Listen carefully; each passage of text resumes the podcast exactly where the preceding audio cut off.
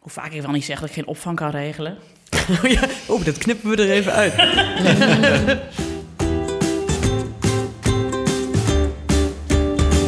Wacht maar totdat je dochter duidelijk kan roepen op de achtergrond. Jawel! Ja, ik wil daar ook. Ja. Hoi, ik ben Inke de Jong, journalist en moeder van Janne van anderhalf. En als we dit opnemen ben ik zeven maanden zwanger van de tweede. Met mijn vrienden Alex van der Hulst, vader van René van zes en Jaren van twee jaar. En Hanneke Hendricks, moeder van Alma van anderhalf, praat ik in Ik ken iemand die over onze avonturen als jonge ouder. We wisselen tips en trucs uit om onze kinderen zoet te houden. We delen onze ervaringen met het ouderschap en delen nog sterkere verhalen over andere ouders. Of dat jij er niet op valt. Dat als een man dan te vaak in zijn joggingbroek naast je zit eh, te ruften, dat je dan denkt, ja, Kom op, man. Ja, ben ik dus nog niet achter. Hmm, want het spreekt me wel aan.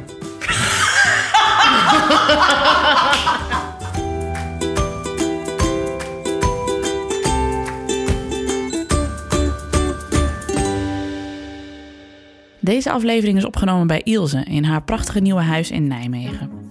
Ilse is een vriendin van Hanneke en is de moeder van Reza van twee jaar oud. We zitten bij Ilse omdat we met haar wilden praten over burn-outs en hoe het is om als jonge ouder overspannen te zijn. Want Ilse heeft een poos flink in de kreukels gelegen en naar haar verhaal snap je precies waarom. Ik vertel later in deze aflevering over een eigen levensdrukte-inzinking en mijn befaamde JOS-index. Hanneke legt uit wat het Frank Boeien-syndroom is en Alex blijkt vrede te hebben gemaakt met zijn vaderlijke bubbel. We delen tips, trucs en onze haat voor studenten. Stelletje lamzakken. Ik krijg heel vaak van Alex een sms en dan eh, heeft hij weer ergens van scholieren of studenten of jongeren horen klagen die dan moe zijn en het druk hadden. Van, "Eh, godverdomme, helemaal Daar niet word- waar ze het over hebben. Daar word ik boos van. En van als ik studenten wakker zie worden, zo rond een uur of twaalf. Ja, Ja. Maar laatst, la, ik merk, ja, maar ik ben gewoon altijd boos op studenten, dat merk ik nu. Want laatst zag ik op, zondag, laatst zag ik op zondagochtend om, om tien uur zag ik zo'n twee, een, een paardje. eh, twee. Soms zie je ze in het alsof wild, je het over, twee, het over meer koeten in hebt. het wild zie je soms een paardje lopen. Ja. Nee, dat is een jongen en een meisje, dat is duidelijk studenten, ook nog een studententrui. Die gingen om tien uur joggen op zondagochtend. was ik ook boos. Je moet uitslapen, je bent student. Dat doe jij op. Ja, ja, maar dat is misschien gewoon inherent aan jonge ouders zijn. dat heel je erg zo van, jaloers op Ja, studenten. ongecontroleerde woede jegens studenten. Allemaal jaloezie natuurlijk, hè. Mijn koninkrijk voor een tentamenweek. Maar echt.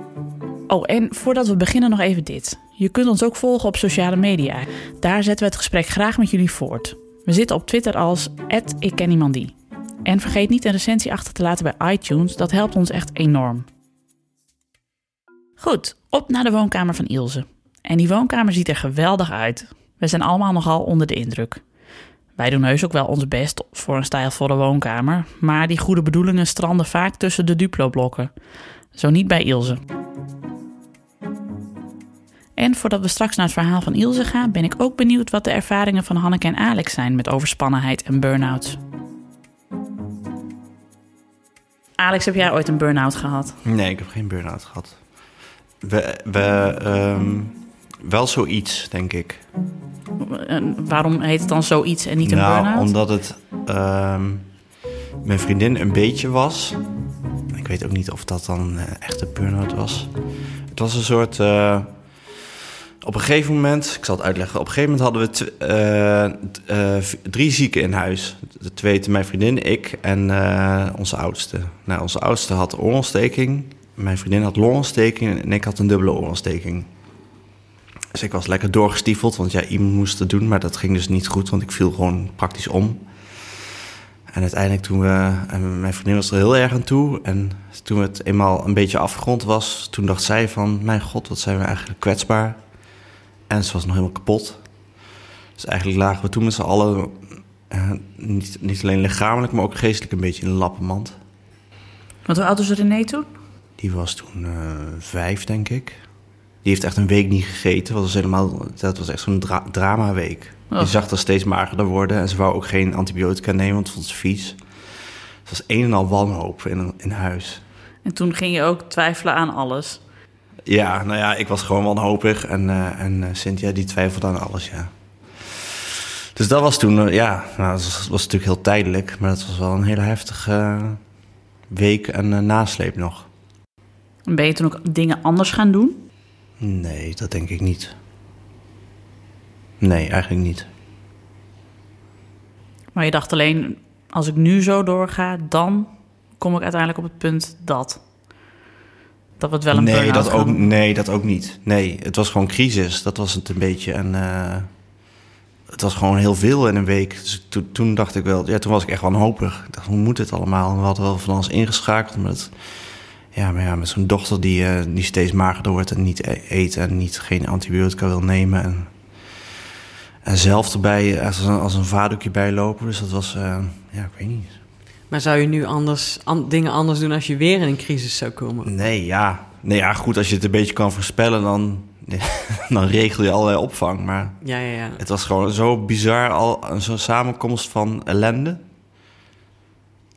Wat, waar we ook gewoon heel erg door overvallen waren en daardoor ook heel erg door schrokken. Ja, dat is het ook, hè?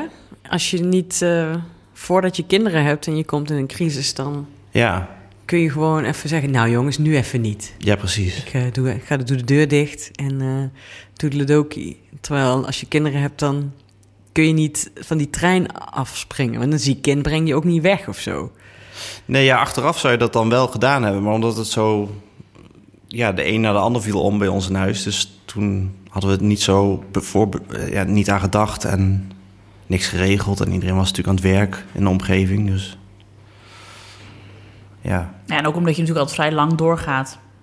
Ja, je precies. Zegt niet ik bij het minst of geringste van. Uh, kom nee, ja, ik ben doorgelopen tot, tot ik echt niet meer kon. Toen viel ik echt helemaal om. Want ik dacht, ja, ik moet doorgaan, want de rest ligt in bed. Maar ja, dat ging dus eigenlijk ook niet. Nee. En jij, Han? Nou, nou, nee, ja. Ik wil zeggen, toen met die postnatale depressie. Maar dat was geen burn-out. Voor de nieuwe luisteraars, dit is Hanneke Hendricks, hè? moeder van Alma van anderhalf. Dat ik de druk van het, de druk van het idee van niet meer alleen kunnen zijn, niet meer, uh, dat ik daar niet tegen kon. Dit klinkt nou heel hautain, vind ik eigenlijk, als ik het zo zeg. Maar, maar toen heeft wel mijn moeder uh, ons een paar keer uit de brand geholpen. Toen ik het echt niet trok, toen zei ze, nou breng het maar hierheen. Ik denk trouwens dat het helemaal niet zo hautain klinkt. Want ik denk dat dat is waar jonge ouders het eerst aan moeten wennen. Aan het idee dat je dus inderdaad nooit meer alleen bent. En dat, er, dat je altijd voor iemand moet zorgen. Dus dat niet gek is dat je daar uh, over ja, viel. Nee, want we zijn, ik had het er pas nog met iemand over. Ik weet niet eens met wie, die ook net moeder was geworden. Je bent zo gewend dat je altijd kunt zeggen... oh nee, wacht, deze studie vind ik niet leuk. Ik ga iets anders doen. Oh nee, deze, ik heb honderd jaar gesolliciteerd voor deze baan... maar nu doe ik hem... oh nee, vind ik eigenlijk toch niks aan. En dan, dit is eigenlijk het eerste in je, even bij relatie... bij je auto, je huis, alles kun je onderuit. En een kind was voor mij het eerste in mijn leven en dat vond ik ook heel decadent van mezelf, maar dat ik dacht, ik weet helemaal niet of ik dit wel wil. Maar je was net daarvoor getrouwd. Dat is ook vrij lastig om onderuit ja, te komen. Ja, plus we hadden een heel ziekenhuistraject om een kind te krijgen. Dus hoe, hoe juppe westers kun je het hebben? Dat je dan zegt, oh, ik vind het eigenlijk helemaal niet leuk. Ja, maar ja, je kunt er honderd keer tegen jezelf zeggen van... wees nou toch dankbaar dat het toch gelukt is. Maar dan voel je het niet automatisch. Nee, nee en dat, dat komt er natuurlijk ook bij dat je denkt... Jezus Christus, mens, hou op met zeiken. En... Uh, maar je bent er dus helemaal niet gewend dat je ergens niet meer onderuit kan. Mm -hmm. Dat vond ik super benauwend idee. En wat ik ook weer echt sneu van me, gewoon erg van mezelf dom, dom vond. Maar... Nou ja, toch hoor je dat al. Daar heb ik veel vaak mannen horen zeggen, juist als het kind net geboren is. Want tot die tijd hebben ze zich een beetje afzijdig, of tenminste niet afzijdig gehouden, maar voelden ze er weinig bij. bij. Dan zeggen ze, ja, dan loop ik met het kind over de, de deur in. En dan denk ik, oh, oh, hier zit ik de rest van mijn leven aan vast. Ja, en dan slaat paniek toe en emoties en alles. Ja, dat was bij mij ook.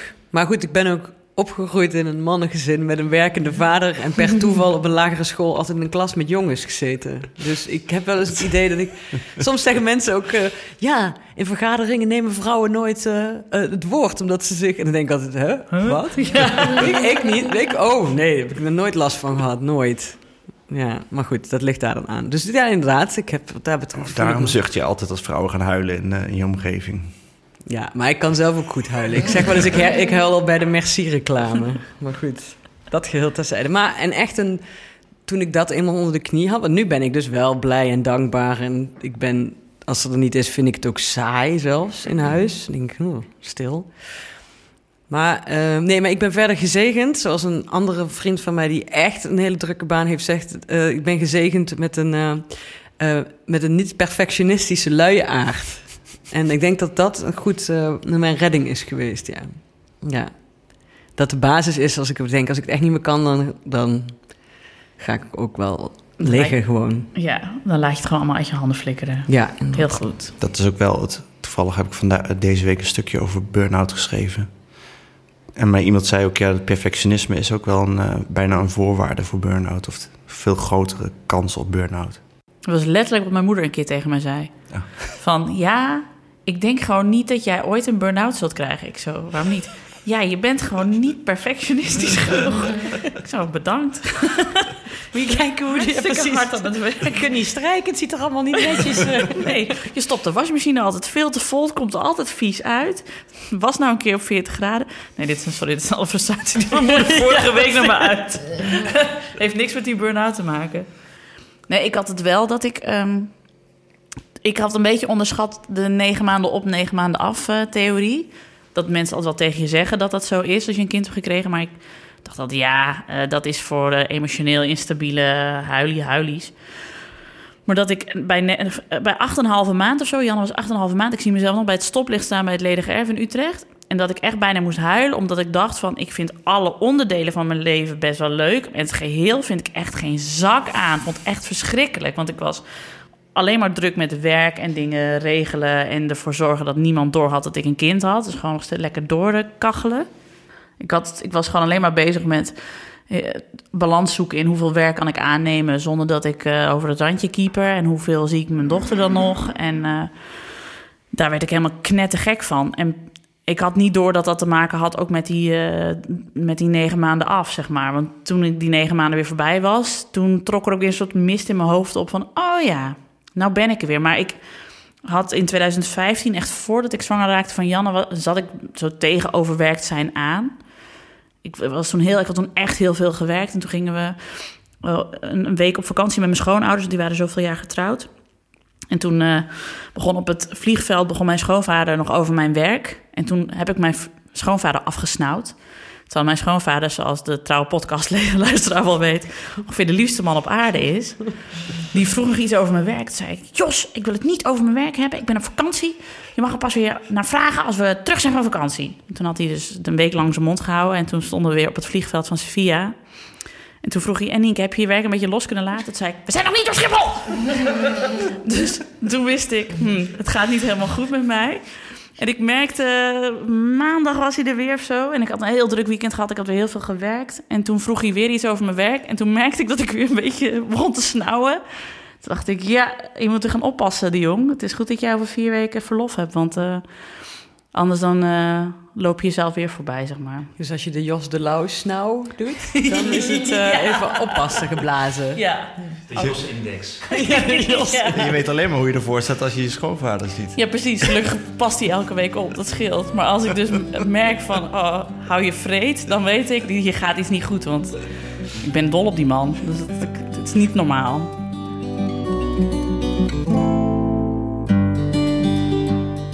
Sorry, Jos.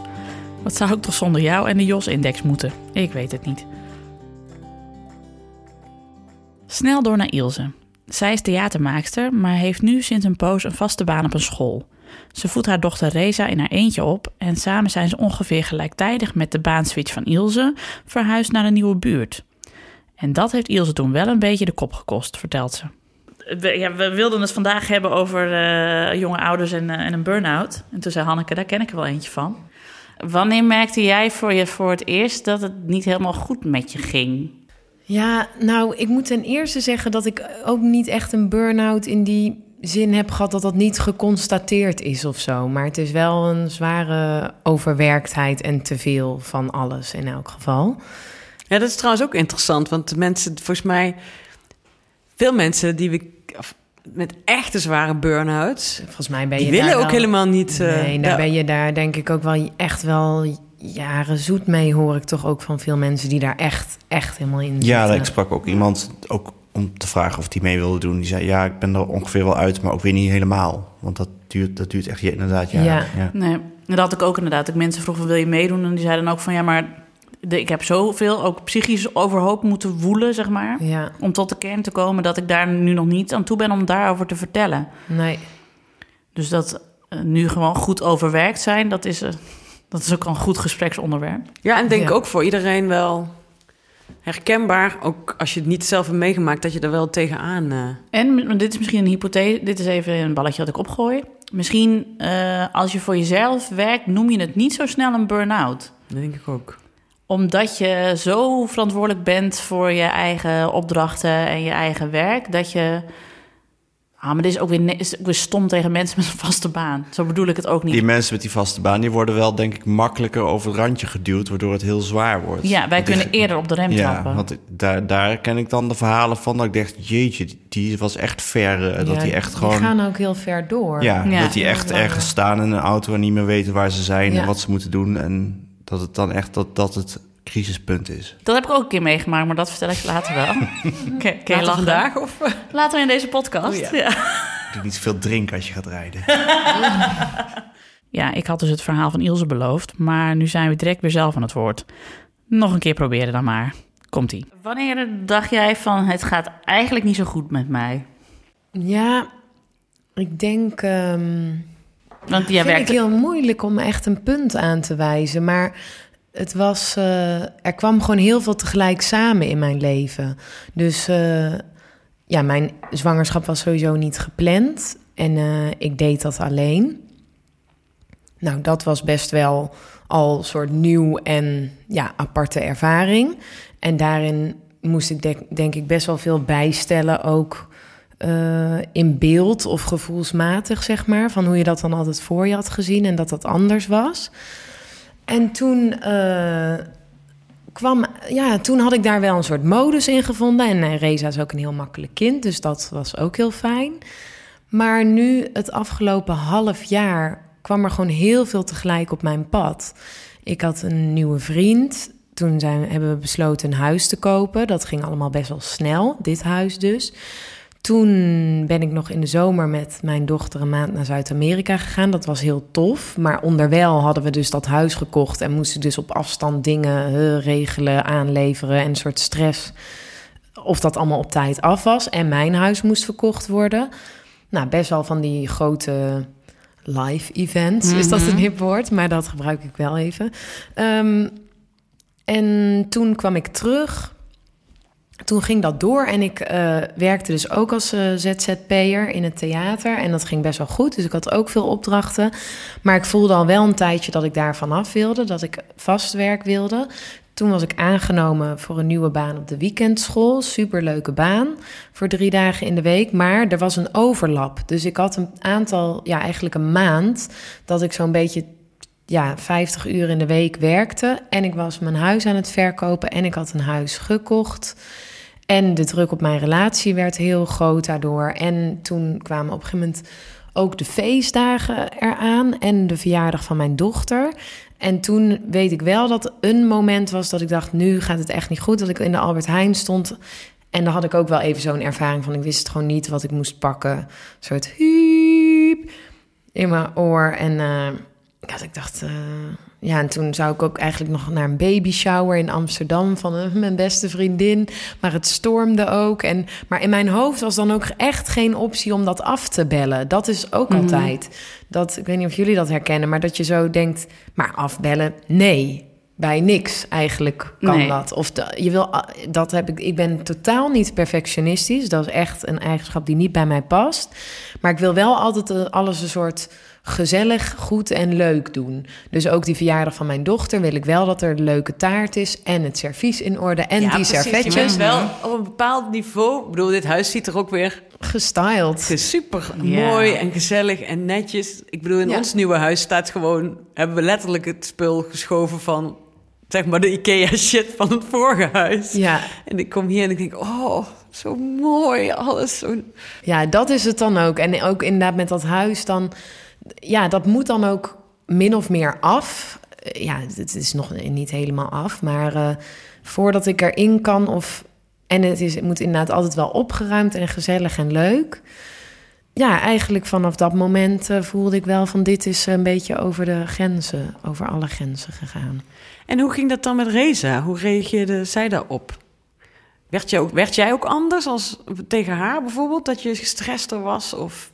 Ik merk dat nu wel een beetje, want nu is dan echt ook mijn relatie, eh, eh, ja, laat ik het maar even noemen, echt onder hoogspanning. Dus dat loopt gewoon niet goed. En dan ja, heb- ja, ben je daar ook mee in je hoofd bezig en ook je toekomst en hoe je dat voor moet geven. En dan merk ik wel dat ik soms heel snibbig en kortaf tegen haar ben. Vanmorgen bijvoorbeeld was ze iets aan het doen. Ik had een cadeautje gekocht voor iemand en zij zat in die doos. En ze cadeautje openmaken. En toen kwam ik echt zo terug, nee! Eh, en, en dan zag je zo... Ze is heel ongevoelig voor correctie, wordt ook op het kinderdagverblijf gezegd. Mijn kind is ongevoelig voor correctie. Maar toen was ze wel gevoelig voor correctie, omdat er dan, dan merk ik ook, er zit dus emotie achter bij mij. En dat is, dan, dat is ze ook niet gewend. Dus dat merk ik wel, dat dat, ja, toch het kortere lontje. Ja, En stiller naar haar toe minder, ja, ook een beetje minder kunnen genieten. Dat vind ik wel heel jammer. ja, Dat je zo met je hoofd de hele tijd niet in het hier en nu bent. Ja. Dus ik ben wel met haar aan het spelen of dingen aan het doen, maar ik ben er niet eh, een beetje zombie-achtig bij. En dat voelt, dat voelt zo'n kind natuurlijk haar fijn ja, aan. dat denk ik Ja. wel, ja. Ja, dat geeft dan weer, dat is dan inderdaad... Dat is echt anders als je moeder bent. Dat je dat, dan word je ook daar van binnen heel boos op jezelf. Mhm. Dat vind je heel oneerlijk. En, Toch eh, vraag me dat wel eens af hoe ver kinderen dat merken. Het zijn toch een soort goudvissen. Ze vergeten ook snel weer. Nou ja, maar ik denk soms wel eens, ja, die afwezigheid en wat, wat jij in je hoofd meemaakt, dat, dat merkt het kind niet per se natuurlijk. Wel een beetje, maar wat, je voelt het zelf veel meer dan dat het kind dat voelt. En jij vindt dat je heel veel plezier daarvan moet hebben en volle aandacht voor moet hebben, maar weet niet of dat kind daar evenveel van meekrijgt. Ja, soms ben ik ook wel bang dat dingen projectie zijn, merk ik bij mezelf. Want Mhm. bijvoorbeeld ook door die ja, relatiecrisis nu en mijn, eh, nou ja, de vader van eh, Reza, die is wel in beeld, maar die dus niet als, als eh, vader, zeg maar, in huis. En dan kan ik zo heel erg, als zij daar iets over zegt, of over, mm, weet ik veel, opa's of papa's, of dat ik zo heel erg projecteer dat ze dan een vaderfiguur Mm. mist, of dat dat al vertroebeld is bij haar. En dan denk ik, ja, als ik daar objectief naar kijk, is dat denk ik helemaal niet per se waar. Maar dat, nee, en je doet dat spelletje ook met haar. ja, En ik denk dat ze dat, dat veel, op dat moment misschien wel veel belangrijker vindt dan hoe aanwezig je in dat spelletje bent. ja, ja, dat is zo. Dat denk ik dan. Maar ja, ik weet het ook niet. zeg Ja. jij als, als, als, als soms afwezig Als ogende regelmatig vader. afwezig. Nee, ik dacht er vandaag nog aan. Ik dacht van ja, ik ben ook een beetje, was vandaag, ik was moe volgens mij, dat was het meer. Nee, maar dat is ook misschien een beetje de hype van tegenwoordig. Dat Ja. je alles met volle overgave moet doen. Terwijl Ja, eh, als ik bedenk hoe, hoe... Mijn moeder was vroeger fulltime thuis. Maar die zat echt niet de hele tijd op de knieën Nee, bij joh. ons te kijken van wat zijn jullie aan het doen. Die kon ook gewoon de hele dag gewoon de dingen doen in huis. En dan waren wij gewoon zelf aan het spelen. Maar Vader ik achter weet- de krant. Dus ik Ja. weet dat ook wel dat ik dat vroeger, of vroeger, maar ook wel bij vriendinnen kon zien met kinderen. Dat ik dacht, "Goh, wat krijgt dat kind veel aandacht van als hij iets vraagt. Dan wordt altijd toch wel even op ingegaan. Dat ik dacht, ik word denk ik gewoon zo'n moeder die zo heel hard doorpraten met mijn eigen gesprekken. Ja. Je zoekt het zelf maar uit. En toch, ik doe dat niet. Ik merk dat ik ook altijd wel weer even, hey Rees, wat is er? Of wat wil je laten zien? Of oh, wat goed. En ehm, ja, ik denk dat dat vroeger inderdaad ook helemaal niet zo was. Dat is ook wel Ja, dat is waar. Want vroeger werd je toch ook naar buiten geveegd met z'n allen als er visite was. Dan regende het en dan zeiden ze, nou gaat even goed maar naar buiten, hop. Maar ik weet ook nog wel dat ik vroeger bij mijn moeder, als zij, zij kon heel lang praten, maar ja, dat kan ik nu natuurlijk ook. Zoals jullie wel merken. Ja, je hebt er gewoon je werk van Ik heb er mijn werk van gemaakt, ja. Maar dat, ik weet nog echt dat ik dan naast haar stond en dat ik omhoog keek. En dan zat ze aan zo'n tafel met koffie, met ooms en tantes. En dat ik dan, was ik, vroeg ik iets en dan reageerde ze niet. En ik weet nog dat ik aan haar kin dan trok. Dan trok ik haar hoofd gewoon naar mij toe. En ze is daar volgens mij, ze werd daar nooit boos om. Dat vind ik zo wonderlijk. Terwijl ik dat denk, Nou, Wat nou, nou, doe nou, eens nou, even nou, rustig. mevrouw Ja, maar Hanneke. mijn Ja. middelste broer deed het ook inderdaad. Aan tafel, als hij de aandacht van mijn moeder niet kreeg... dan eh pakte hij er zo bij de kin vast. ja, ik, ik kan me nog heel goed Goh. herinneren dat mijn moeder... Die, die stond heel veel te koken. in mijn herinnering. En er belde altijd, als er iemand belde, was het altijd voor mijn moeder. Altijd iemand van koor of van de kerk of weet ik veel. En altijd was mijn moeder een gehaktbal aan het draaien... en dan moest ik de telefoon bij haar oor houden. Oh ja. Zo, eh, doe maar even zo. En dan, en dan begon ze een heel verhaal tegen Doutzen of Leni of Annie of wie het dan ook maar was. En jij kreeg een lamme arm. Ja, ik kreeg echt een lamme arm. Echt zo. ja, laat mij dan de gehaktballen doen. Maar ja, wist ik natuurlijk ook niet.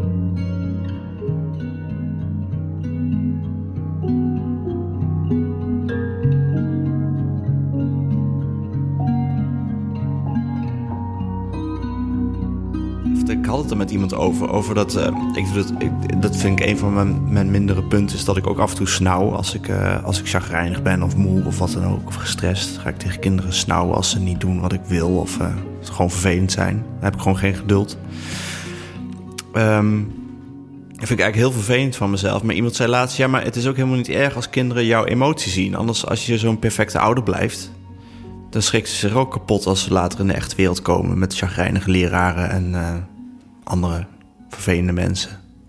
Goed punt. Ja, Ja, maar ik denk zich- ook wel dat op zich dus emotie... want ik heb nu dus ook best vaak dat ik al een paar keer moet huilen... Ja. dat mijn kind het ziet. En dat vind ik ook niet fijn. Maar ik probeer er altijd tegelijkertijd een soort... ja, het klinkt heel raar, maar innerlijke rust bij te bewaren. Dus Ja. dat je het hebt, maar dat, je niet, dat het niet ook paniekerig is... of onderdrukkend, maar meer... Ja, goed, meisje moet soms ook even huilen. En dan zie je haar zo... Oh, en dan gaat ze zo een beetje over je wangen aaien. En dan... Ja, weet je, als dat dagelijks is, dat is natuurlijk ook... Ja, alhoewel, ja, is het wel zo. Dan is, ik denk, hoe meer verzet er is... en hoe meer Ja. van, Ja. dat mag er niet zijn... of afvegend, of...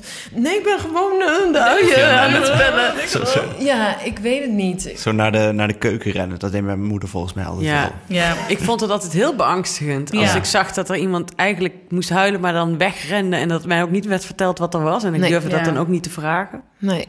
Ja, want ik leg het nu wel, dat ondanks hoe, hoe irritant ik het van mezelf erg ik het eigenlijk vind, dat gesnauw, dan leg ik het wel altijd uit. Ik zeg, sorry, ik ben gestrest of ik ben moe en eh, je, je werkt nu niet mee, dus dan ga ik snauwen en dat moet ik niet doen. Maar ja, Maar ik ben ook maar een mens. ja. Papa is ook maar een mens. dat dat de les zijn. Nee, ik had het laatst, toen had ik fysiek pijn, waardoor ik moest huilen. Toen zaten we in de auto en eh, Janne die doet altijd als ze bijvoorbeeld in Nijntje boekjes, als er dan een vogel huilt of Nijntje huilt, dan doet dat zo. dus het is een heel zielig gezicht. En nu zat ik dus voor in de auto te huilen van de pijn. Hoor ik ineens vanaf de achterbank. hu. dat is gewoon een potje mee te doen. ik echt zo, oh, nou ja. Dan ben je er zelf in ieder geval snel vanaf, dat scheelt. Ja, nee, ik had pas wel, toen had ik buikgriep. En toen had ik de hele dag vastgestaan met buikgriep op eh, Amsterdam Centraal vanwege de storm. Een van de mindere momenten van dit jaar. Ik kon wel huilen, maar goed. Uiteindelijk wel kunnen regelen op een of andere manier dat ik terugkwam. En toen kwam ik dus thuis, wel precies op de tijd dat Doris met Alma thuis kwam. Dus toen heb ik echt met mijn jas aan nog staan koken, want eh Alma was zo moe en hongerig van het kinderdagverblijf. Er moest gewoon eten in. En ik dacht, ga dan, we gaan er nou geen, niet eerst nog soepstengels, want dan eet ze weer de rest weer niet. Dus ik stond met mijn jas aan te koken met buikgriep. Doris was ondertussen Alma, weet je, jas uit aan het doen en eh, in de stoel aan het zetten. En toen ging ik zo zitten en ik had echt gekookt wat ze normaal altijd heel lekker vindt. Gewoon pasta met rode saus. En ze duwt het bord weg en ze zegt zo, beh, zei ze. En toen moest ik zo hard huilen. En toen heb ik ook echt tegen de... Het was heel zielig achteraf. Maar op het moment... Ik, zo, ik sta met mijn jas aan te koken. En, toen moest ik keihard huilen. En toen zag je allemaal dat lipje zo trillen. En toen begon zij ook keihard huilen. En toen zag je Doris zo een beetje zo... Die stond zo op en één zo'n arm op mij en allemaal zo. En toen zei hij, kom, ik zet je wel even in bad. Want ik had natuurlijk ook de hele dag met hem. Ik was, ik, ik vond, ik vond ook dat ik van zieligheid had ik echt gewonnen van mijn dochter. Ja. Ja. Maar dat is dus waar we het net al over hadden. Dat je zo'n kind niet uit kunt zetten op je, op je meest eh, vreselijke momenten. En dat je dan ook nog de schone schijn wilt ophouden. Ik denk als je dat maar te lang volhoudt... en je zit bijvoorbeeld in een vaste baan... met eh, een manager die dingen van jou verwacht... en die denkt, oh, je bent terug van zwangerschapsverlof bijvoorbeeld... je kunt gewoon weer eh, knallen... en die verwacht hetzelfde van jou als, eh, als je daarvoor altijd presteerde... En jij voelt langzaamaan dat je dat niet volhoudt. En dat je thuis ook nog de leuke ouder wilt zijn. Ja, dan snap ik heel goed dat heel veel mensen van halverwege de 30 met jonge kinderen een burn-out krijgen. Ja. Maar wat jij net vertelt, dan denk ik, ja, ik, ik vraag me af wie daar, geen, eh, wie daar niet van een soort burn-out zou krijgen. Wat Nee. echt die opeens staat. Ik zou dat zelf precies hetzelfde hebben gehad. Als, Ja. als ik het zo hoor, denk ik, Jezus. Ja, die, dat is, Want dat een- is ook een- zo. Dat is veel te veel. Ja, dat eh, huis vond ik al heel wat. En eh, als je een kind, relatie en van, nog van alles en nog wat. Want hoe was dat toen je zwanger was van Reza? Had je er toen nog maar een- een beeld van, van hoe ga ik dit alleen eh, redden? Ehm, ja, nou, ja. Ik wist wel, eh, of haar vader gaf wel meteen aan dat hij eh, niet, ja, niet mee ging doen. Dus eh, in die zin wist ik waar ik aan toe was. En ik heb wel toen meteen mijn ouder, want ik voelde, en men zegt dan altijd van, oh, maar je hebt er gehouden. Maar ik, voor mij voelde het meer als dat ik haar niet weg kon halen, zeg maar. Het was ook niet per se dat ik haar wilde houden. Ja, dat klinkt heel lomp nu, maar, maar ik dacht gewoon, als ik eraan dacht dat zij weggehaald zou worden, dat kon ik, dat, nee, dat kon, dat kon niet. En toen ik dat voelde van, nou, dat gaat me dus niet lukken, dus die escape is eh, afgesloten. Toen ben ik wel meteen naar mijn ouders gerend, die wonen ook in de buurt. Ik zei, oké, maar jullie moeten me helpen, want anders ga ik dit niet eh, redden. En toen zei, hebben zij wel meteen gezegd, dat gaan we doen. En dat hebben ze ook gedaan. En ik heb heel, echt een heel groot vangnet toen ervaren van vrienden, familie, wat heel warm voelde. Mhm. En bij de verloskundige praktijk waar ik toen zat, vond ik ook heel mooi dat de verloskundige zei: Jij doet het misschien alleen, maar er zijn zat vrouwen in een relatie die nog veel eenzamer zijn dan jij. Ah. En dat vond ik echt mooi. En dat Ja. geloofde ik. Ja, dat is denk ik ook echt zo. Want bij mij was het dan aan de oppervlakte dat ik alleen Mhm. was. Maar er zijn natuurlijk zat vrouwen die wel een partner hebben, maar die totaal geen reet doet. Of, of ja, zelfs een pain in the ass is. Ja. En geen vangnet verder hebben Nee. om, eh, op nee, terug om te op vallen. terug te vallen. Jij had toen ook zo'n goed verhaal van... eh, ja, want je had toen, toen was je zwanger en toen moest je ook nog een huis regelen. Ja. En eh, nou, dat, dat lukte allemaal. En toen vertelde je dat, jij, dat je was bevallen en toen was je, het huis was klaar. Als je wel, Reza was geboren en die lag in bed. En dat je toen in de achtertuin bent gaan zitten en toen een peuk hebt gerookt. Zo van, zo, dit hebben we even geklaagd. Dat verhaal, daar moet ik altijd aan denken. Dat, zal, dat is wel, klinkt wel zoals mij, ja. Want denk je dat je minder eh, je nou, overspannen of burn-out had gevoeld Mhm. als, als jouw relatie nu wel helemaal soepel had gelopen? Of stond dat er toch ook nog los van? Was, Ja, ik denk dat die dat. Daardoor voel ik nu, ervaar ik nu vooral verdriet. hmm, Maar het is niet zozeer dat dat mij meer overspannen maakt. Want ik ben natuurlijk gewend om het alleen te doen met Reza. Het voelde wel heel fijn dat er iemand bij was om dat samen mee te doen en om zo'n gezinnetje mee te voelen. Eh, dus dat is meer weer het emotionele deel dan dat ik zeg maar eh, de druk van Reza opvoeden of, of het huishouden alleen doen, dat ik dat als zwaar ervaar. Dat ben ik wel gewend. ja, precies. Dus in die zin staat, staat die relatiecrisis daar wel los van. Mhm, Ja. Nou, Maar- maar ik denk ja. dat het wel een vangnet kan zijn. Ik weet niet of- hoe jullie dat hebben gemerkt. Maar als je denkt van het wordt me echt te veel. En je hebt een partner die ze- zegt of die in bad zet of iets anders doet. Of zegt ik eh, ga, nu, ga maar even een weekendje weg of wat dan ook. Dat kan wel net dat vangnet zijn natuurlijk. Tenzij Ja, je iemand ja. hebt of, nie- of niemand of iemand die totaal niet naar omkijkt. Of gewoon lekker gaat werken. ja. Ja, ik Dat- ben heel blij dat ik iemand heb die op me let, Ja. wat dat betreft. Want anders dan, ja, scho- schoot ik waarschijnlijk ook sneller door. Tom zegt gewoon best wel snel van, oké, dit is niet normaal of zo. Of eh, doe, doe even rustig. Of eh, moet je deze klus nog wel aannemen? Of moet je daar nog wel naartoe vliegen? Weet je wel zo. En vind je dat dan vervelend? Nee, want hij, ehm, ik heb ooit een relatie gehad waarin iemand dat de hele tijd tegen mij zei, maar meer uit een soort van jaloezie van ik wil dat je bij mij blijft en ik wil niet dat je succes hebt, zeg maar. En hij zegt het alleen maar omdat hij wil dat het goed met mij gaat. Ja, ja, ja. Mm. Dus dan weet je dat het uit een goed hart komt en dat hij het alleen maar doet omdat hij bezorgd is. Want die, die, ja, die hamerde. Ik had ook nog steeds niet met het AD geregeld van, oh ja, wanneer ga ik met verlof of zo. En dan is hij degene die bijna dagelijks zegt, regel dat nou. En, eh, en ga eerder, stop eerder dan, dan je de vorige keer deed. Want toen ben ik met 37 weken heb ik nog eh, op een podium gestaan. En toen was ik ook helemaal kapot. En hij zei, ja, dat ga je nu ook niet volhouden natuurlijk met al een kind erbij. Dus hij is dan heel streng. Dan moet ik ook op de bank gaan liggen of zo. Of, eh, rustig. Dan gaat hij even fietsen met Janne als ik heel moe ben. Dat soort dingen. ben een beetje buiten adem. Wil je even water? Nee, nee, Wil, wil sowieso iemand iets? Moet ik even iets pakken? Eh, ik doe dus ook wel water, maar dan help ik wel even Ja? Ja, en dan wil ik wel een glaasje water. krijg je heb je last van benauwdheid? Nou, hij zit, hij zit gewoon heel hoog, dus Ja. omdat alles hier zit. Dus ik moet Ja. nu dan met mijn ademhaling even zo... Ik heb het ooit een keer gehad met voordragen. Toen kreeg ik het super benauwd. Maar het was ook nog een heel zielig verhaal. En toen zei dat ding, ik vond het zo mooi hoe je voor had gedragen. Het was zo emotioneel. Toen dacht ik, ik kreeg gewoon niet aan. Nee. Ja, ik ben wel een dropje. Ik vind het altijd knap als mensen zo'n zo'n super gaaf huis kunnen hebben. Want ik doe altijd erg mijn best om een super gaaf huis te hebben. Maar het is, zo, het is gewoon, het lukt me nooit. Ergens gaat het dan fout. En dan probeer ik terug te, te, te zoeken waar het dan fout is gegaan. En dat weet ik dan nooit zo goed. Dat zou bij ons zijn. Dit zouden wij kunnen bedenken en het dan niet doen. Na de lofzang op het huis en als iedereen weer is bijgevuld met koffie, thee en Engelse drop, pakken we de draad weer op. Hanneke wil nog even terug naar de supermarktduizeling van Ilse. Want wat, wat deed jij toen? Je stond in die supermarkt. Nou, ben ik dan toch die supermarkt ook uitgegaan. En toen ook heel hard huilen in de auto. En had je Reza ook bij jou toen? Dat weet ik niet eens meer. Onbewust misschien wel. Ik. Nou, of ik had haar bij mijn ouders gelaten.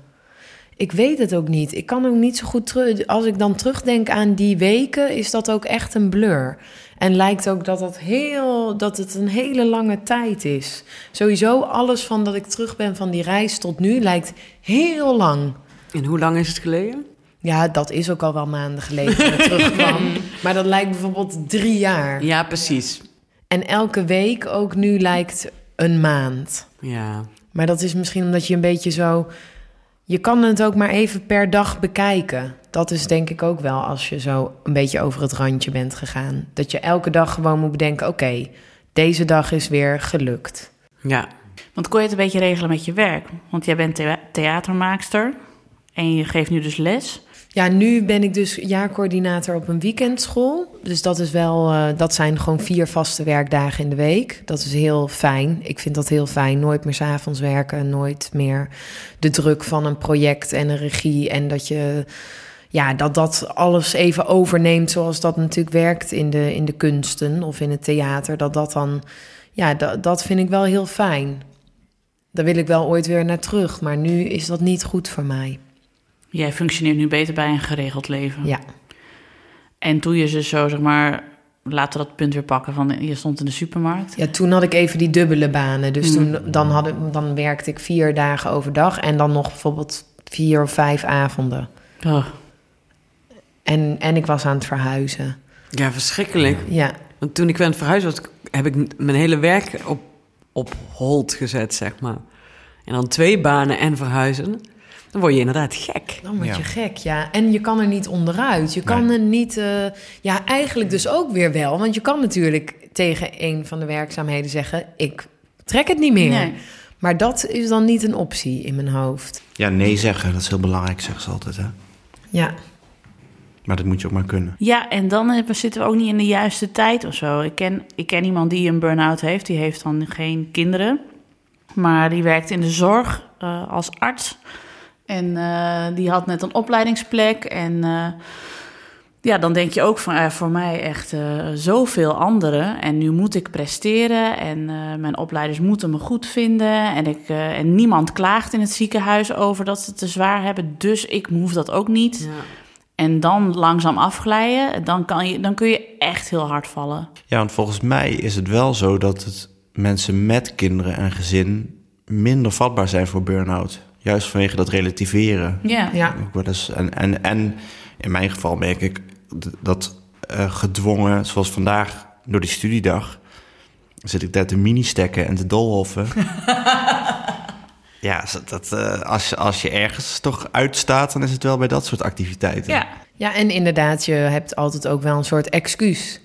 Want je kind moet opgehaald worden, dus je moet weg. Ja, Ja. ja. Ja, ik bedoel, eh, normaal deed ik altijd mijn boodschappen heel snel even tussendoor. Nu bestel ik ze vaak online. Maar als er dan nog eens een keer een brood gehaald moet worden op woensdag. Oh, fuck ja, brood. Precies. nou, hier. Ik mag morgen ook weer. Dan, en dan ga ik met Jan een brood halen. Dan ben ik zo drie kwartier weg. Terwijl De, de bakker zit op vijf minuten lopen. Maar het schiet allemaal niet op met een Nee, kind. je moet achter elke kat aan en je moet Ja. eh, kletsen met elke bejaarde. Ja, En dan krijgt ze nog een krentenbol die ze zes keer laat vallen. Exact, dan moeten we huilen. Tien en dan- seconden. Moet je weer regel. afvegen. ja. Ja, De 10 seconden regel. Oh ja. Nee, ik heb pas ook echt een plakje worst gewoon van de vloer van de slager opgepakt, opgerold en weer aangegeven. Ik dacht, ik ga denk- niet... Ja, daar worden ze toch sterk van. Ja. Ja, lieve luisteraars, laat het maar aan ons over om de grote levensvraag: word je sneller of minder snel overspannen als je kinderen hebt? Binnen een minuut om te buigen naar de vraag of je een plakje worst dat op de vloer van de slagerij is gevallen wel of niet oppakt.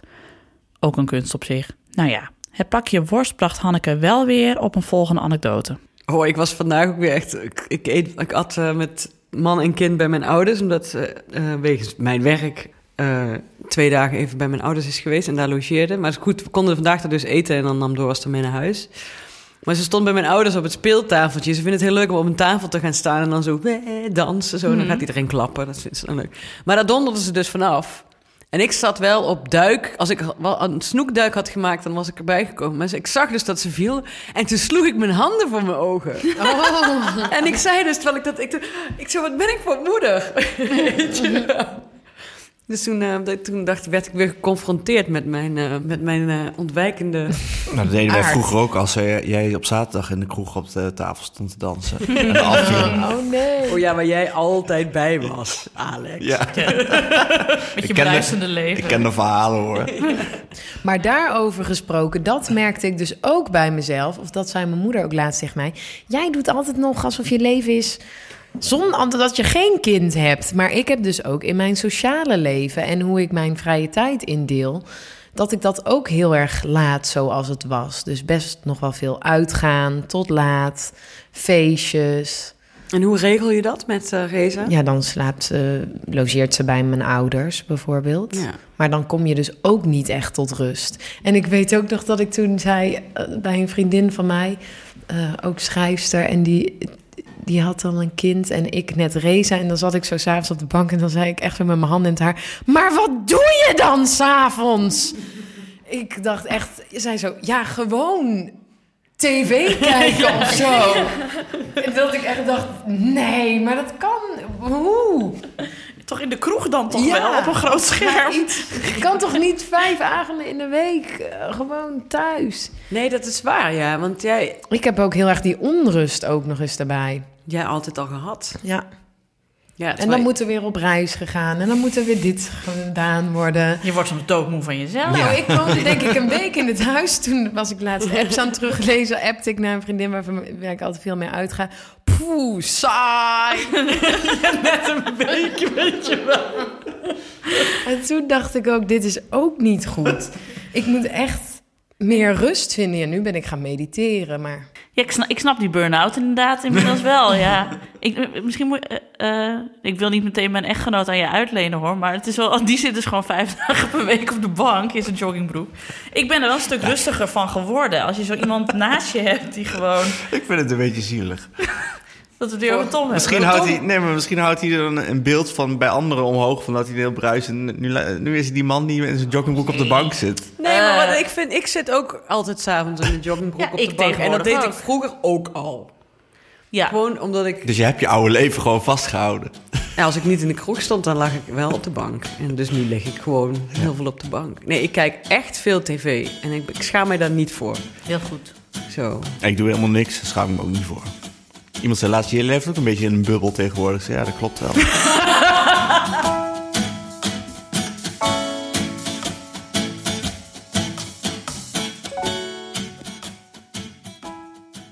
wordt die onrust bij jou ook erger naarmate het minder goed met je gaat? Of je minder lekker in je vel zit? Word je dan... heb Nee, nu ben ik bijvoorbeeld wel echt tot het nul- nulpunt eh, teruggeschroefd voor mijn doen. Qua uitgaan bijvoorbeeld. Ja, en Ja. qua dat ik echt gewoon echt moe ben. Ik ga nu wel. eh, ja, nee, ik ga, dat, eh, dat voel ik nu wel dan echt geen energie voor. Dus dat, dat gelukkig nog wel. Dat ik dat.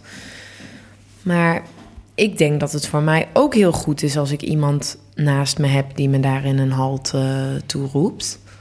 Maar ik denk dat dat ook misschien best moeilijk is bij mij. Of dat dat in elk geval ook wel ja, een beetje af kan schrikken of zo. Dat misschien mannen ook wel denken van... oh, die is niet te remmen of te temmen. Dat ze daarom Of weglopen. dat, jij er, of dat jij er niet op valt. Dat als een man dan te vaak in zijn joggingbroek naast je zit eh, Ja. te ruften... dat je dan denkt, ja, kom op man. we moeten eruit. Ja, dat kan wel. Ja, ben ik dus nog niet achter. Hmm. Want het spreekt me wel aan. Misschien moeten we een ja. oproep doen. Of er nog joggingbroek... kent u een ruftende joggingbroek? Op een bank. Met z'n- die zo'n ingesleten zitplek heeft. Van die chipsvlekken is het, is het joggingbroek. Ja, Ja, ja, met van die vingers die naar bolognese chips ruiken. Of naar kaasui. Afspraakjes liever niet in de kroeg, gewoon thuis op die bank. Ja, Ja, op die bank precies. meteen. Nou, ik heb net een nieuwe bank. Een hele ja mooie hij is bank. te mooi voor chipsvlekken. Ja, Ja, dat, dat vind ik ook. Dat vind ik ook. Ja, misschien moet je ook gewoon even landen in dit huis eerst. Ja, dat denk ik ook. Ik heb wel heel veel vertrouwen dat het eh, wel beter, dat ik dat wel beter leer. Hoe is dat voor jullie? Ja, jullie hebben die onrust niet zo. Nou, dat je... ik heb die onrust ook wel eigenlijk. En die heb ik, ja... Ik weet het, ja, ik ben heel bang om nu heel mindful te klinken... maar ik heb wel af en toe dat ik weet van... het kan gewoon nu even niet. En dat is wel frustrerend... maar ik accepteer het wel op een of andere manier. ja, Een soort... eh, ik accepteer het onder protest. ja, Denk ik, ik, wil dit, maar het gaat niet. Dus ja, dan denk, ik denk maar de hele tijd... het komt later dan wel weer. Ja, Ja, ik wil Ja. wel heel erg Veronica jong, snel en wild zijn. Maar ik ben nu gewoon een beetje omroep Max. Maar ooit, komt het weer terug. Ja, daar ben ik dus bang voor dat dat nooit meer gaat Nee, je gebeuren. moet oppassen voor... eh, we noemden dat in de kroeg altijd voor voorgaande glorieschap. Ja, dat is gênant. Je had vaak met Ja, mannen was Daar dat ben vaak ik bij een hele mezelf bang voor, ja. Ja, ja, we hadden dan vaak van die mannen waarvan Oh, je kon zien... die waren vroeger heel knap. En die hingen dan nog een beetje de stoere boy uit te hangen aan de bar. En dan zag je iedereen denken, oh jongens. Maar wat is daar dan Is gebeurd? laat. Zijn dat die mannen die dus, die dus tien jaar op die bank hebben gezeten... en daar weer af zijn Nee, gekomen? die zijn, eh, die zijn altijd... Die hebben dat hele kroegleven niet... eh Los Oh. kunnen laten. nog, niet, zeg ik Frank Boeien syndroom. Alleen Ja. hebben zij dan niet de carrière waarmee ze nog ook op het podium moeten staan. Wat Frank Boeien wel heeft, waarmee zijn levensstijl gerechtvaardigd is. Het is eigenlijk Frank Boeien zonder, de, zonder het talent, zeg maar. en het grote hoofd. Ik wist niet dat dat in Nijmegen het Frank Boeien-syndroom Ja, Ja, ja. dat heb ik zojuist verzonnen, maar het is, eh, ik vind het zeer treffend als ik het bedoelt. Ja. Zoals, je, zoals jullie de JOS-index hebben... hebben wij hier in Nijmegen het Frank Boeien-syndroom. Oh, ja. ik- niet goed. Hoe gaan we straks terugkeren in het normale sociale leven? Gaan we straks nog lekker feesten als de kinderen wat ouder zijn? Of is de zaterdagbrunch definitief het dansfeest van voorheen? Daar hebben we het zo over, maar eerst hebben Hanneke en ik een groot biodanza misverstand. Ja, maar je wil ook niet eh, uiteindelijk terugkomen... laten we zeggen, terugkomen in het uitgaansleven... en dan op een wereldmuziekfestival belanden. Oh, Dat je dan bloot ineens hebt ingeschreven Ja. voor biodanza. Ja. In een vlaag van Maar verstandsverwijzing. serieus ingeschreven voor biodansen, niet omdat je daar iets over moest schrijven. Nee, maar echt. Omdat je op biodanza wil. Die, dat moment kan eens een keer komen. En dat was voor of nadat je de Ik Vertrek aflevering met biodanza Nee, had ik heb me niet ingeschreven Oh. voor biodanza.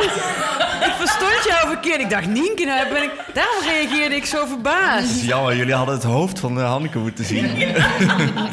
Het was een beetje zo van... Mijn hele wereldbeeld werd hier even zo... Ja, ik zag jou, jij probeerde nog neutraal te reageren... terwijl je me eigenlijk kaart in mijn gezicht wilde slaan. Wat ben je aan het doen? Welke demon is er in jou gevaren, Dio? Alles behalve biodanza. Serieus. Alsof Hanneke zou zeggen van... ik ga bij de opstappen eh, cursus doen. Ook voor Nijmegenaren. Ik heb wel eens bij de opstappencursus. Hoe word ik een deurmat? Nee, Oh. Chine- Chinees voor beginners. Maar ik ben echt twee lessen geweest. Toen dacht ik, fucking hell, dit is te moeilijk. Ja, nee, het was echt te moeilijk. Ja, maar nou, ik ben nog steeds benieuwd... hoe gaan we, hoe gaan we ooit terugkeren in het normale ja. leven? Ik denk dat je Dus rustig moet beginnen met... Nee, ik denk bij- je, je moet rustig denk ik beginnen met...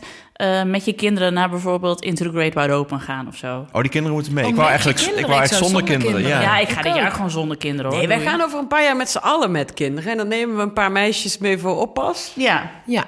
Die krijgen dan van ons een kaartje en een, en een, en een kamer in ons huisje. precies. En dan slempen. Want dat is het vol. Ik denk niet dat, de, ik denk dat, ik, dat drugs en zo, dat wordt dan een beetje terug. Nee, Ja, dat wordt... ik Ja, dan sta je er ook een beetje met mijn lullige zwangerschapskilo's, een beetje ja, vergane glorie. Dan ben ik ik echt vond vergaan. Zullen we dat we dansen met knuisjes in de hoofd? Weet je wel, de, de, de babyboomer dans is dat. Ja, maar ik vond vroeger dronken oude mensen ook altijd zo zielig. Toch? Ja, maar dan worden we niet echt dronken, maar net een beetje aangeschoten. En, Ja, ja. ja. Of dat niemand het ziet, alleen wij zelf. maar bij mij is dat dan onvermijdelijk. En zo droomden we nog gezellig even door over de bacchanalen die we ooit nog hopen te beleven, maar waarschijnlijk op het moment suprême zullen afblazen wegens tekort aan puf. En dat is prima, want uitgaan kan ook hartstikke stressvol zijn. Luister maar naar de inzinking die jullie nog van mij te goed hebben. Nou, ik ben dus één keer dus dat ik echt het randje overging. Dat, ik, dat was dus en dus bij de JOS-index. En die sloeg ook uit toen ik, het was een paar weken, eh, een week of zo voordat ik eh, tegen mijn eh, schoonvader uitviel. Dat ik naar een concert was geweest met, met Tom in Den Bosch. En toen woonden we al in Utrecht, maar we hebben een tijd in Den Bosch gewoond. Dus we hadden nog heel veel kaartjes voor theater daar. We waren naar, volgens mij, naar het afscheidsconcert van Acta en de Munnik geweest of zo. Het was al niet veel, maar maakt niet uit. En, Sorry, ik ik zat- even in de microfoon. Maar hallo. Maar eh, het was een stom concert. Maar eh, toen, en we stonden in de parkeergarage in Den Bosch. En ik zou terugrijden. En ik zat in de auto. En ik had hem wel nog uit het parkeervak gekregen. Maar daarna wist ik niet meer wat ik moest doen. Maar toen stond ik al in de rij om de parkeergarage uit te rijden. En achter mij stonden heel veel auto's. Maar ik had een totale blackout. Ik wist niet meer hoe ik de auto vooruit kreeg. Waar ik het kaartje in moest stoppen. Het was nog een soort van hellinkje. Dus het was een beetje een hellingproef. Dus ik gleed langzaam achteruit. En ik zat alleen maar te gillen. En Tom zat naast me ook alleen maar te gillen. Nienke, wat doe je? Wat doe je? Nienke, wat doe je? En ik wist gewoon niet meer waar de rem zat. Ik wist niet wat ik moest doen. Ik moest alleen maar huilen. En mensen achter me toeteren en zo. En nou ja, die werkten gelukkig mee. Op een gegeven moment vond ik toen, zeg maar, eh, de tegenwoordigheid van geest om dat kaartje erin te stoppen. En toen ging de slagboom omhoog. Toen zette ik de auto onder de slagboom weer stil. Dat stond nog een keer. Wat doe je? Wat doe je? Toen ben ik echt zo als een speer eruit gereden. Gelukkig niemand aangereden. En toen was ik zo gespannen dat mijn hele lijf trilde. Dus ook mijn benen en zo. En ik moest zo hard huilen. En Tom zei, zet hem aan de kant. Ik zo, nee, ik moet niet doorrijden, want anders dan durf ik nooit meer. En toen ben ik echt, zeg maar, ja, eh, in zijn- in zijn twee geloof ik naar de snelweg gereden. Ja. En toen pas kwam ik weer een beetje bij zinnen. Toen ik weer de snelweg opreed, ik dacht, oh, ik ben er weer. En maar toen wist ik ook, dit is niet oké. En nu moet je echt ophouden. En daarna heb ik Jos afgesnauwd en toen ben ik echt minder gaan werken, want dat was gewoon niet goed. Dus de- eh, ik heb wel van die hele goede indicators van als ik, als ik dat weer ga meemaken, dan moet ik echt eh, stoppen. Dus eh, ja, dan weet je dat je over het randje bent.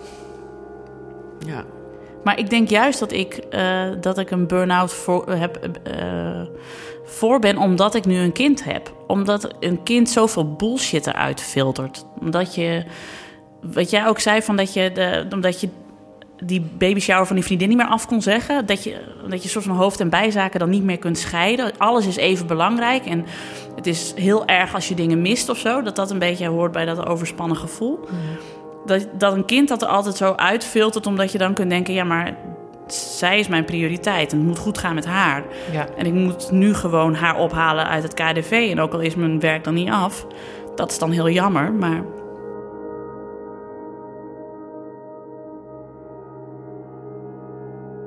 Maar de allerhoogste prioriteit is er maar één.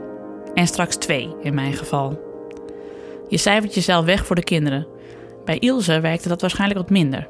Tot een vriendin van haar haar aan het mediteren kreeg. Elke dag heel eventjes. Via een app, Headspace. Die is best duur, maar toen ze zag dat het hielp, gaf die vriendin de app cadeau aan Ilse.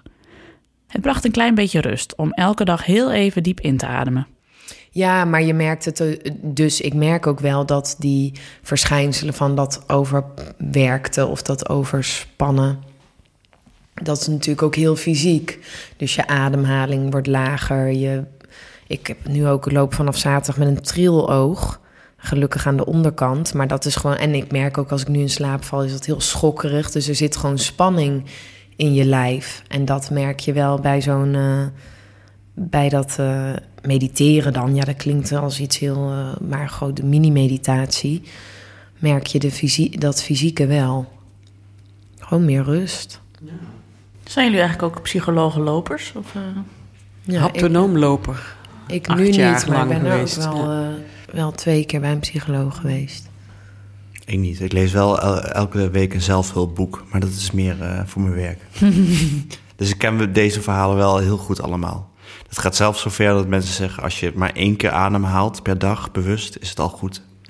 Oh, echt? Kunnen we nu even. Ja, echt. Als ze zeggen: als je. Nou ja, goed, je moet het, uh, je moet het zelfhulpboek eigenlijk ook niet geloven hoor. Maar.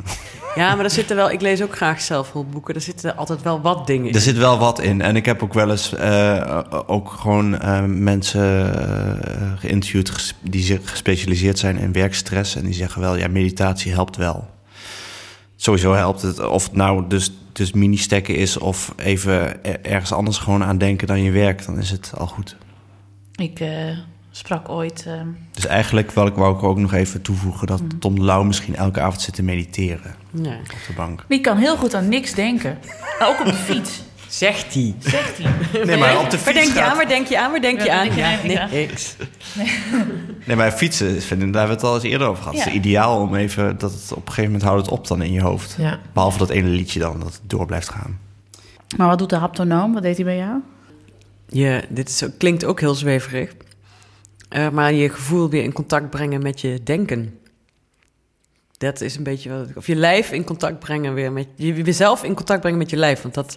Ik was op een gegeven moment echt een zwevend hoofdje. Ik was ook echt graadmager toen ik daar voor het eerst heen ging. Kon, was zeg nog wel eens weemoedig. Kon alles aan. Maatje 34. Dus we gaan, naarmate het beter met mij ging, werd ik ook steeds dikker. Dus je kunt ook aan mij aflezen. Als het goed met mij gaat, dan heb ik altijd wel een onderkin. Zoals nu. maar, uh, ik zag pas, ik was de enige vrouw in Nederland volgens mij die na haar bevalling, naar, nu naar foto's keek van mezelf vlak na de bevalling. En dat ik dacht, oh, prima. Ziet er goed uit. Ja, maar toen had ik ook bijna niks. Nee, maar uh, het ging toen helemaal niet goed. Ik zat toen ook op schrijversopleiding. En inderdaad zo'n student die altijd uh, paniekaanval en... Uh. En een haptonoom, ja, die gaan ervan uit dat je lichaam nooit liegt. En de haptonoom die ik had, Tineke Nauta... Fantast, echt fantastisch mens. Die, uh, ja, die is ook heel goed in het lezen van het lichaam. Dus dan lag je daar op die bank en dan zat ze aan je been. En dan zei ze, hm, voel je? Vertel eens uh, wat voor kleur, weet ik veel. En ik, ik, kan niet eens nadoen. Maar je kon jezelf, ik kon mezelf daar niet uitlullen zoals bij een psycholoog. Dat je zelf al gaat bedenken wat je moet zeggen of wat je zou moeten vinden. Dus het was alleen maar heel fysiek. En dan, dat bracht mij inzichten. Ja, dat klinkt nu heel raar, maar zij deed dat ook gewoon heel slim en goed. Ze haalden jou uit je hoofd. Ja, precies. En dat je dus uh, altijd eigenlijk je gevoel moet opzoeken. Ja, dit, het klinkt super simpel, maar daar heb ik echt veel aan gehad. Zakken eigenlijk in je lijf gaan zitten. Zij zei altijd, je bewoont alleen maar de, bo de bovenste gedeelte van je woning. was ook wel echt zo. Dat heeft wel mij echt veel uh, gebracht, ja. Ook, en dat, toen heb ik ook leren nee zeggen en ging ik inderdaad ook minder uit en minder, niet dat dat erg is, veel uitgaan, maar ik ging ook dwangmatig uh, mm. altijd aan het werk, werkte soms 14 dagen achter elkaar in de kroeg en dan nog schrijven erbij en weet je wel. Niks willen missen. Niks willen mm. missen en uh, toen ben ik langzaam aan, ja, toen heb ik heel lang ook fases gehad, geen zin. En uh, als mijn moeder dan belde, zei ik, ik wil niet met je praten. En dan gooide ik de telefoon mm. op. Weet je wel, ik hield alles af. Dus ik sloeg ook weer een beetje door naar de andere kant. En dan langzaam komt daar dan een balans in. Tot uh, nu, ja, dat ik gewoon moe ben de hele dag. Nee, maar dat is allemaal oké. Het is oké, weet je wel? Dat is een beetje wat je leert.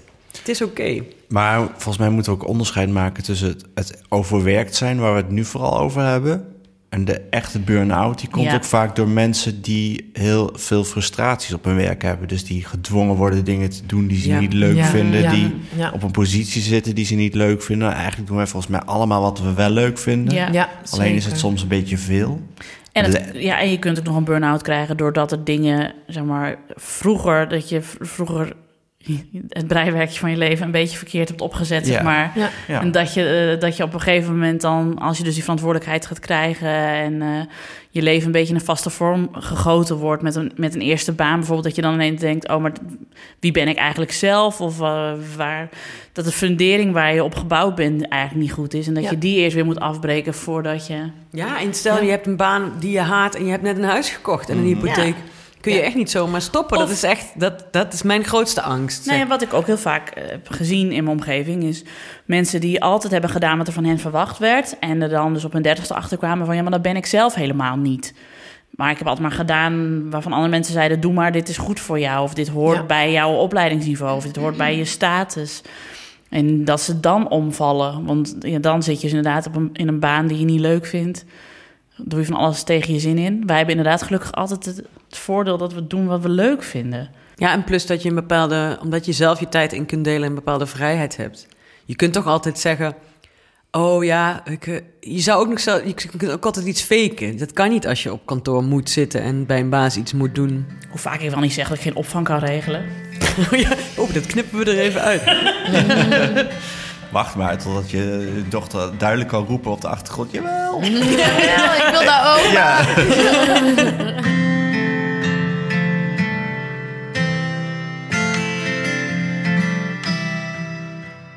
Even resume.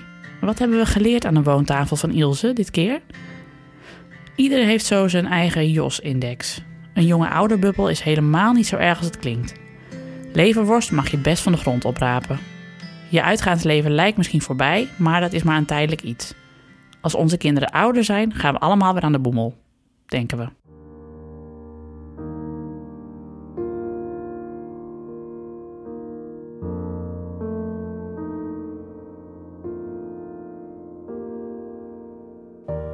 Ja, ik vind toch wel dat je trots wel kunt zijn. Nou, ik zei toevallig gisteren zijn, was ik bij een vriendin die heeft net het tweede kindje en die stuurde mij eh, heel lief van eh, ik ben he- heel trots op hoe je het doet nu. En toen stuurde ik wel teru- terug, nou, ik ben de laatste tijd helemaal niet trots op mezelf. Ik zit nu wel echt even in zo'n fase met die drukte. En, en dat je wel ergens denkt: zijn dit thema's in mijn leven? Ja, die overkomen me dan min of meer. Maar dat is het dus ook niet. Want je trekt het toch ook aan. Dus daar kan ik wel boos op mezelf over zijn. Of boos. Daar heb ik wel iets in eh, te doen. Dus deels accepteren dat die hoge pieken en diepe dalen wel bij jouw leven horen, maar wel een manier vinden om daar beter mee om te kunnen gaan. Ja, en dat wel eh, ja, stabiliseren. Ja, Maar misschien is het juist een uitnodiging tot... Het, zo, nu klink ik weer zo esoterisch. Ik weet niet wat deze uitzending met mij doet. Maar dat het een uitnodiging is, wat je zelf al zegt. Ja. Biodanza. Een uitnodiging tot biodanza. Nee, totdat je nog iets te onderzoeken hebt. Ja. Het is natuurlijk ook iets goeds in het leven als dat zich aandient. ja, Hoe, in, hoe kut de situatie ook is waar het uit ontspruit, zeg maar. ja. Denk ja, ik. zo grijp ik het ook maar aan. ja. En het huis is echt mooi. Ja. Ja, hoe het ook met jou gaat, met je huis gaat het echt heel Ja. goed. We zijn allemaal wel een beetje jaloers. Bedankt eh, dat we hier mochten komen en dat je ons, dat je verhaal met ons wilde delen. Leuk dat jullie er waren. We hebben er veel van geleerd. Ook. Ja, ik spreek namens mezelf. Dankjewel. Graag gedaan.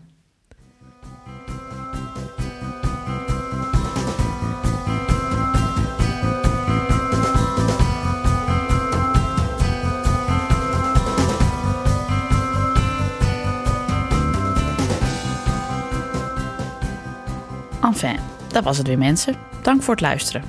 Als je dit nou leuk vond, laat dan alsjeblieft een review achter op iTunes. En deel deze podcast met je vrienden, andere ouders en je allerbeste Facebook-kennissen.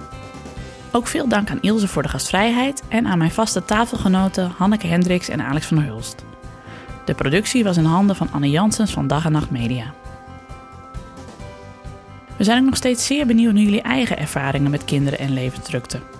Heb je een goed verhaal? Laat het ons weten door een voicemail in te spreken op 06 8180 4297. Het nummer zetten we ook in de show notes. Of mail ons met je verhalen of met vragen voor ons. Ons mailadres is ik@dagenacht.nl. Dan nog een tip. In mei ligt het grote Ik ken iemand die boek in de winkel. Vol herkenbare anekdotes en vol tips van kenners over zwanger zijn, bevallen en opvoeden. Hou de Facebookpagina van Ik ken iemand die in de gaten voor updates en teasers. Dat was het weer. Mijn naam is Nienke de Jong. Doeg!